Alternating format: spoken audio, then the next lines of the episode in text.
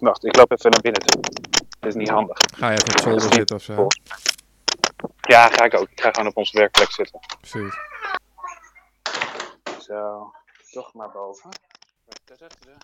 Je luistert naar Olaf Prinsen via een Skype-verbinding. Noodgedwongen door de maatregelen die op dit moment gelden om het coronavirus tegen te gaan. Een podcast anders dan dat je hem gewend bent dus. Zo, nu, nu heb ik wifi uit. Ja? Zit ik op zolder. Ja? En volgens mij moet je het goed horen. Olaf Prinsen is sinds juli 2015 directeur van de NVRD. Hij start op 1 april als directeur van Jeugdzorg Nederland. In deze podcast hoor je waarom hij van afval naar jeugdzorg gaat. En wat hij de branche vooral wil meegeven. Ook sprak ik Han Noten, voorzitter van de NVRD, over hoe hij Olaf heeft binnengehaald en wat hij vindt van de stap naar Jeugdzorg Nederland. Eén ding is me de afgelopen vijf jaar wel duidelijk geworden. Olaf is een echt mensenmens. Iets wat ook weer duidelijk werd bij het maken van deze podcast. De eerste vraag die Olaf mij stelde was deze. Hoe is het bij jou? Ho, het gaat nu even niet om mij. Het gaat om jou. Hoe gaat het met jou, Olaf? Ja, eh, ik denk zoals eh, met iedereen op dit moment. Het is zo onwerkelijk, hè? De laatste weken bij de NVRD zijn toch anders dan ik van tevoren had verwacht. Of dan iedereen had verwacht. Aangezien de coronacrisis ons in de greep houdt. En eh, gelukkig ook de NVRD ja, zich houdt aan de regel van als je elkaar niet hoeft te zien, dan zie je elkaar niet. En nou ja, een interview als dit, het is niet optimaal. Ik had je liever in de ogen aangekeken. Maar ehm, het is toch beter om het maar zo te doen.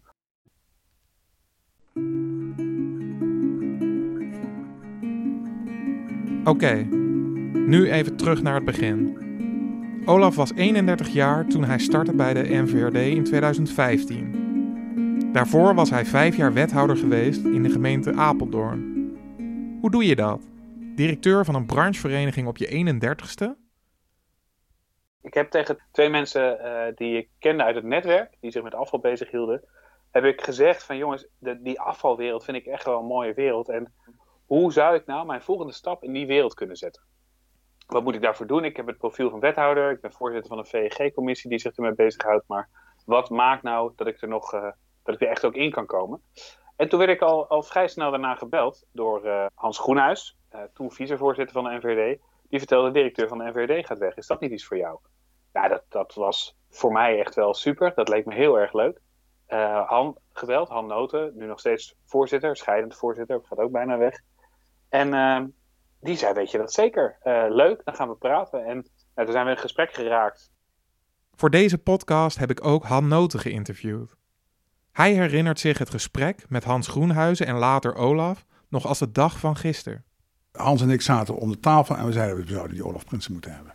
Dus hebben we nog een beetje lomp en rigoureus uh, aan de gang gegaan ja, als ik Olaf ga benaderen, dan ga ik ook geen open sollicitatieprocedure maken. Weet je. je vraagt een jonge knul met, met heel veel talent en mogelijkheden, die wethouder is van Apeldoorn. Hè, dat vind ik nog wel een positie. Die vraag je om die overstap te maken naar, naar directeur NVD.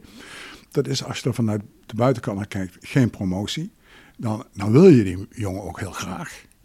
En dat was ook zo. Ik wilde hem ook heel graag. Dus toen hebben we, nou, ik heb hem gebeld. Uh, heb ik gezegd van, hey, luister, ik zou graag met je willen afspreken, want volgens mij moet je bij ons komen werken. Weet je nog waar dat was? Dat ik met hem afgesproken heb? Ik weet wel nog dat ik hem belde. Toen zat ik in de auto naar Almen. Dat weet ik nog heel goed. Waar ik met hem gesproken heb, weet ik eerlijk gezegd niet meer. Ik denk bij mij op het gemeentehuis. Dat weet ik eigenlijk wel vrij zeker, dat hij bij me langs is gekomen. Ja, Koningsdag 2015, toen was ik bij Han uh, in zijn kamer, zijn burgemeesterskamer in het stadhuis van Dalfsen. Daar hebben we eigenlijk het eerste gesprek gehad over uh, of ik bij de NVD aan de slag zou gaan. En wat dan mijn vraag was. En wat de vraag van de NVD zou zijn en of dat matchte met elkaar. Dat ging eigenlijk wel direct heel goed. De, de vraag vanuit de NVD was echt zorg ervoor dat we een betere relatie met anderen krijgen. Zorg ervoor dat de vereniging in deze eeuw komt. En maak uh, van het bureau één. Nou, dat leek mij echt heel erg leuk om, uh, om te doen. En mijn vraag was, mag ik leren managen? Want ik ben weliswaar bestuurder, maar ik heb nog nooit een team geleid. Mag ik dat leren bij jullie? En dat mocht ook. Olaf maakte eerst een ronde langs veel van de leden, groot en klein. Het viel hem op dat veel organisaties lid waren omdat het zo hoort. Niet verwonderlijk voor een vereniging die opgericht is in 1907, maar toch, het voelde niet goed. Gelukkig kwam Olaf op het juiste moment binnen bij de NVRD. Toen ik, toen ik binnenkwam had ik het geluk dat een nieuwe strategie nodig was. Uh, dus de oude strategie was gewoon klaar. En nou ja, ik kreeg de kans van het bestuur om zelf daarmee aan de slag te gaan, zelf een proces daarvoor te verzinnen. En eigenlijk heb ik toen bedacht, we gaan de meest belangrijke leden van de NVRD, gaan wij vragen, um, wat nou als er geen vereniging is? Dat waren de leden enerzijds die actief zijn voor de vereniging, natuurlijk voor vereniging echt super belangrijk, maar ook de meest betalende leden hebben we toen uitgenodigd. Nou, die vraag gesteld, met de antwoorden daarop eigenlijk een verhaal gemaakt en die getoetst in het land. En we hebben ruim 100 leden gesproken. Uit die strategie kwam dus duidelijk, wij willen nog steeds die vereniging hebben. Uh, wij willen nog steeds die vereniging die er staat voor grondstoffen, voor de publieke moraal. Uh, dus daarmee was de meerwaarde aangetoond van de vereniging. En tegelijkertijd hebben we ook een, een propositie neergezet voor het bureau. Het bureau is iets aparts. Hè? De vereniging heeft 90 jaar bestaan zonder bureau. Waarom is er nou een bureau? Nee, omdat er meerwaarde moet worden gemaakt vanuit het bureau ten opzichte van wanneer een lid het alleen zou doen. Dus de medewerkers zijn zich ook bewust geworden van hun positie binnen die vereniging. Wij zijn eigenlijk de uitvoerders van de vereniging.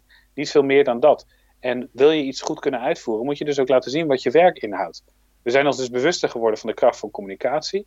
En daarmee ook veel meer als uh, een team geworden. We hebben dat nog eens vastgelegd in het verhaal van de NVRD een jaar later. Toen hebben we ook een nieuwe stijl van het huis gekregen en een nieuwe huisstijl. Ja, al die zaken samen maken denk ik dat de NVRD er echt staat. Dat we zichtbaarder zijn geworden naar leden. Maar dat we ook meer een eenheid zijn geworden als bureau. En, en goed de positie hebben. Wij zijn de vraagbaak. Je kunt bij ons terecht. En wij zijn niet beter dan de leden. Sterker nog, wij zijn volledig afhankelijk van de leden. En, en wij doen slechts dat wat de leden van ons vragen. Na bijna vijf jaar kunnen we nu de balans opmaken. Op het bureau van de NVRD niets dan lovende woorden over Olaf. Ook Han Noten, die hem in 2015 binnenhaalde, is trots en zelfs meer dan tevreden. Ik had heel hoge verwachtingen en die zijn uh, waargemaakt. De eerste paar jaar bij de NVD heb ik het best druk gehad. We hadden echt wel een paar uitdagingen. Financieel stonden we er slecht voor. Er is veel spanning met onze, met onze uh, omgeving. Uh, en daar hadden we, hadden we al stappen in gezet toen Olaf kwam. maar toen Olaf er eenmaal was, toen, toen werd het voor mij ineens, ja, ja, dat klinkt misschien raar, maar ik, uh, ik vond het ineens heel gemakkelijk worden. Ik, ik versta hem heel goed. Uh, ik vertrouw hem 100%. Hij is, uh, hij is hartstikke open. hij kan goed over zichzelf nadenken, eh, wat heel belangrijk is. Hij kan ook goed op dat podium staan. Ik had het gewoon rustig.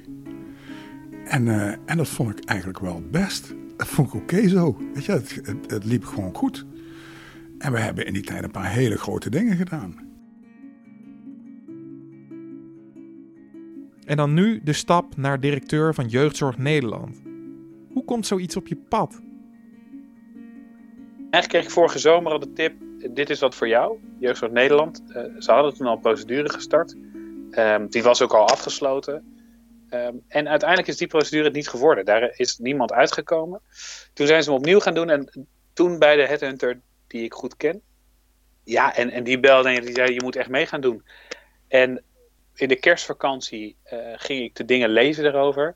En toen begon het wel steeds met te kriebelen. Het is zo'n interessant werkveld met zo'n maatschappelijke impact, wat over zo'n belangrijk onderwerp gaat. Kinderen uh, in moeilijke situaties of ouders in moeilijke situaties. Dat maakt, ja, dat, daar, werd ik steeds enthousiaster over. En eigenlijk direct na de kerstvakantie, uh, um, toen ging ik de gesprekken in en was het met een week eigenlijk bekeken, was het beklonken. Ik ben wel benieuwd wat Han ervan vindt. Hij kwam bij ons en had niet zoveel ervaring met de vereniging, maar wel met afval. En hij gaat nu naar, uh, naar, naar jeugdzorg en hij heeft verstand van verenigingen en weinig van jeugdzorg. En, en ik, denk dat, dat ze, uh, ik denk dat dat goed is. Want de vereniging, ik zit zelf ook wat mijn hele leven in de verenigingen. En de verenigingen zijn aparte dingen. Hebben hun eigen dynamiek en, uh, en, en die, daar moet je gevoel voor hebben, dat moet je serieus kunnen nemen. Dat kan die nu echt heel goed. Olaf is nu dus een verenigingsman. Maar van afval naar jeugdzorg? Mijn expertise zit inmiddels op het gebied van hoe verenig je. Uh, hoe, hoe zorg je dat een vereniging draait? Wat voor rol heeft het bureau? Hoe werk je met een bestuur? Wat doen de leden daarin? Hoe werkt de lobby? En als ik dat dan vervolgens vertel aan mensen, van goh, wat gek van het ene onderwerp, afval en grondstoffen, circulaire economie naar jeugdzorg, dat is toch iets heel anders. Nou, het gaat niet zozeer om dat jeugdzorggedeelte in mijn expertise. Die heb ik niet. Daar zijn 30 medewerkers voor op het bureau, die me dat hopelijk heel snel kunnen leren om daarover mee te praten. Maar ik heb wel de expertise over hoe we moeten verenigen. En dat heeft de NVRD mij gegeven. Toen Olaf bij de NVRD begon, wisten we, die blijft maximaal vijf jaar. En we dachten, daarna gaat hij naar Den Haag. Ik heb hem destijds ook gevraagd of hij ambitie had om minister te worden. Het antwoord was toen ja. En nu? Is Jeugdzorg Nederland het opstapje naar Den Haag? Mijn ambities zijn wel veranderd in de afgelopen jaren. Dat heeft met twee dingen te maken. Enerzijds met het feit dat ik het werken voor een vereniging en met een vereniging, met leden, veel leuker vind dan ik, nog veel leuker vind dan ik van tevoren had gedacht. Van tevoren dacht ik misschien wel, dit staat mooi op de cv. En dit is een tussenstap op weg weer. Ik leer daar manager bij de NVD. En uh, het is een stap op weg terug naar de politiek. Dat is wel anders komen te liggen. Niet voor niets deze stap. Weer in de vereniging. Ik vind verenigen heel veel leuker dan ik dacht. Om het nauwe contact met mensen, maar ook om de snelheid waarmee we dingen kunnen veranderen. Um, de impact die je met een vereniging kan hebben. En anderzijds, nou, we hadden het net even over kinderen. Um, ik heb twee kleine kinderen rondlopen. We hebben twee kleine kinderen rondlopen. En ik zou nu niet graag in een baan stappen die zoveel tijd en inzet van mij vraagt. Dat zien we nu zeker in de coronacrisis bij een uh, groot gedeelte van het kabinet. Waardoor ik niet bij de kinderen zou kunnen zijn. Dat heb ik er niet voor over. Ondanks dat het altijd een droom is geweest, uh, heb ik dat de komende jaren niet voor over. Dus wie weet ergens in de toekomst. Maar dan moet thuis wel passen. En moet het ook wel echt heel veel leuker zijn dan wat ik nu doe. En dat, nou, dat, is, niet, dat is het niet snel. Oké, voorlopig dus nog niet naar Den Haag. En de NVRD is geworden van een mooie stap op zijn cv tot een thuiskomen in verenigingenland. Ik vraag Olaf wat hij het meest gaat missen in de afval- en reinigingsbranche. Ik ga de mensen missen. Uh, nog het meest. Buiten het onderwerp, wat super interessant is. Maar uiteindelijk draait het toch om mensen. En uh, of het nou de leden zijn, de, de, de, het bureau, bestuur, al die mensen, of andere stakeholders trouwens, uh, VNG, daar, daar hebben we ook een super relatie mee opgebouwd. Um, die mensen, die ga ik allemaal het meeste missen. Uh, omdat we met elkaar ervan overtuigd zijn ook mooie dingen te doen. Um, ja, dat, dat ga ik allemaal missen. Hmm. Zeker. En ik hoop iedereen te treffen op een normaal en fatsoenlijk afscheid. Ja. ja, want je afscheid gaat nu niet door. Nee. Uh, er wordt nog gekeken naar een, naar een mogelijkheid om het te verzetten. Maar dat zou dan pas ergens in de zomer of na de zomer worden. Um, je had natuurlijk wel iets eh, willen zeggen daar. Wat, wat, wat zou de kern van je verhaal zijn geweest? um, ik moet eerlijk bekennen dat ik daar nog niet eens over had nagedacht. Uh, omdat er dan zoveel door je hoofd gaat dat ik de kern had ik nog helemaal niet te pakken. Nou, die kern is misschien wel met Han hebben we een hele goede voorzitter die altijd zei: Ik ben trots, maar niet, uh, nog niet tevreden. Mijn boodschap zou in het verlengde daarvan liggen: wees wat meer trots, ook al ben je niet tevreden. Ik vind dat de sector en de mensen nog wel eens heel ingetogen zijn. Terwijl wat we bijvoorbeeld de afgelopen vijf, zes jaar met elkaar hebben bereikt, hè, ingezet nog voordat ik startte met het vangprogramma, het doorbreken van tien jaar lang stilstand in hoeveelheid restafval, naar het punt waar we nu staan, 80 kilo minder gemiddeld per persoon per jaar aan restafval, is echt ongekend. En ja, er zijn kwaliteitsdiscussies en weet ik veel wat allemaal.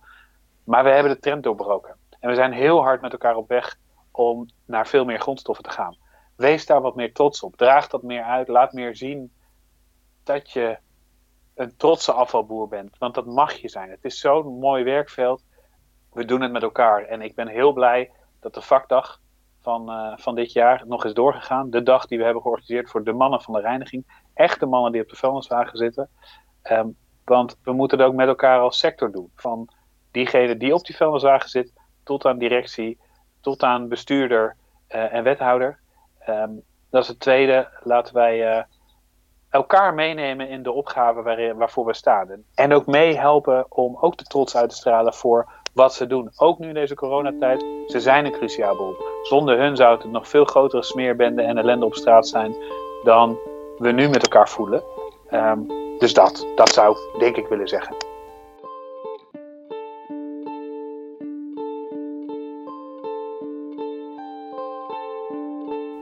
Bedankt voor het luisteren naar deze podcast.